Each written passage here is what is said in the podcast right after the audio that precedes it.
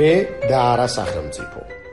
სახელმწიფოსაც ჭირდება თანადგომა და ვინაიდან მაქვს საშუალება და სურვილი ვცდილობ შევუმსუბუქო მას თვერთი.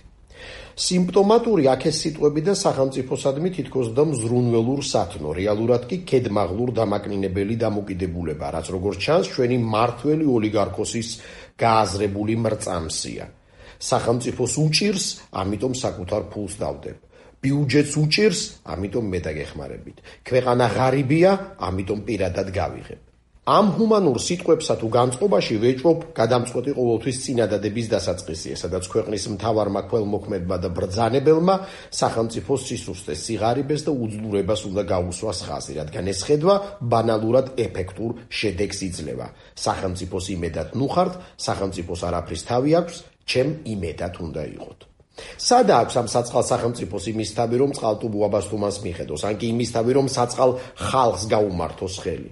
საჩეულია ჩვენს ბეჭავ სახელმწიფოს რომ ამ გაუსუსურებულ სახელმწიფოებრიობაზე იზრუნოს ზოგადად. და რა სახელმწიფო ესაა ბოლოს და ბოლოს რომ რამე მოუთხოვოთ საერთოდ. ამიტომ აგერ არის სურვილი და შესაძლებლობა მიხედავს მოგხედავს ეს კაცი მოგხედავს რადგან ახლა ის კი არაა სახელმწიფო როგორც ლუი მე-14-ეს ეგონა ოდესღაც. არამედ მხოლოდ ისაა და არა სახელმწიფო. რადგან ეს სახელმწიფო დიდი უხერხული და შემაწუხებელი რამეა. და თუ კი უკონკურენტო ოლიგარქოსის კონკურენტად ჩაითვლება ვინმე ეს სწორედ და ჯერაც სახელმწიფოს ნიშნების მატარებელი საქართველოა. შეიძლება ითქვას მისი უკანასკნელი კონკურენტი რადგან ამ ეტაპისთვის მან ყველა სხვა კონკურენტს აჯობა თუ კი კონკურენტი ვერ განადგურდება, იქნებ გაუსახურდეს მაინც, რაც სახელმწიფოებრივი ნიშნების გასაწოდება გაპარტახებად უნდა გამოვლინდეს. სარეველა ბალახი ამოვიდეს ქუთაისის პარლამენტის შენობაზე, უშინაარსობისგან გამოყრუდეს პრეზიდენტის სასახლე, გაწყალდეს პოლიტიკური პროცესი უცხლოდ ჩალპეს ლაგუნა ვერე ადამიანს აქედან წასვლა ექცეს უმთავრეს ღირებულებით მიზნად და საარჩევნოდ გადმოგდებულ კარტოფილს დაჟერდეს დეგრადაციის გზაზე შემდგარი დამფრთხალი მოქალაქე.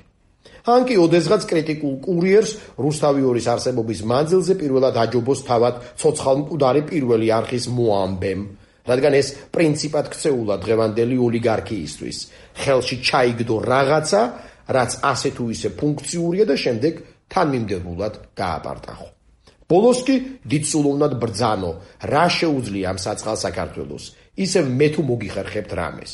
ხო და საინტერესოც ესაა, ნეტა მართლაც აღარაფრის ზალა აღარ შესწევს ამ საწყალ საქართველოს თუ ჯერ კიდევ შერშა განვითარებისთვის, ესე იგი არსებობისათვის საჭირო ნება.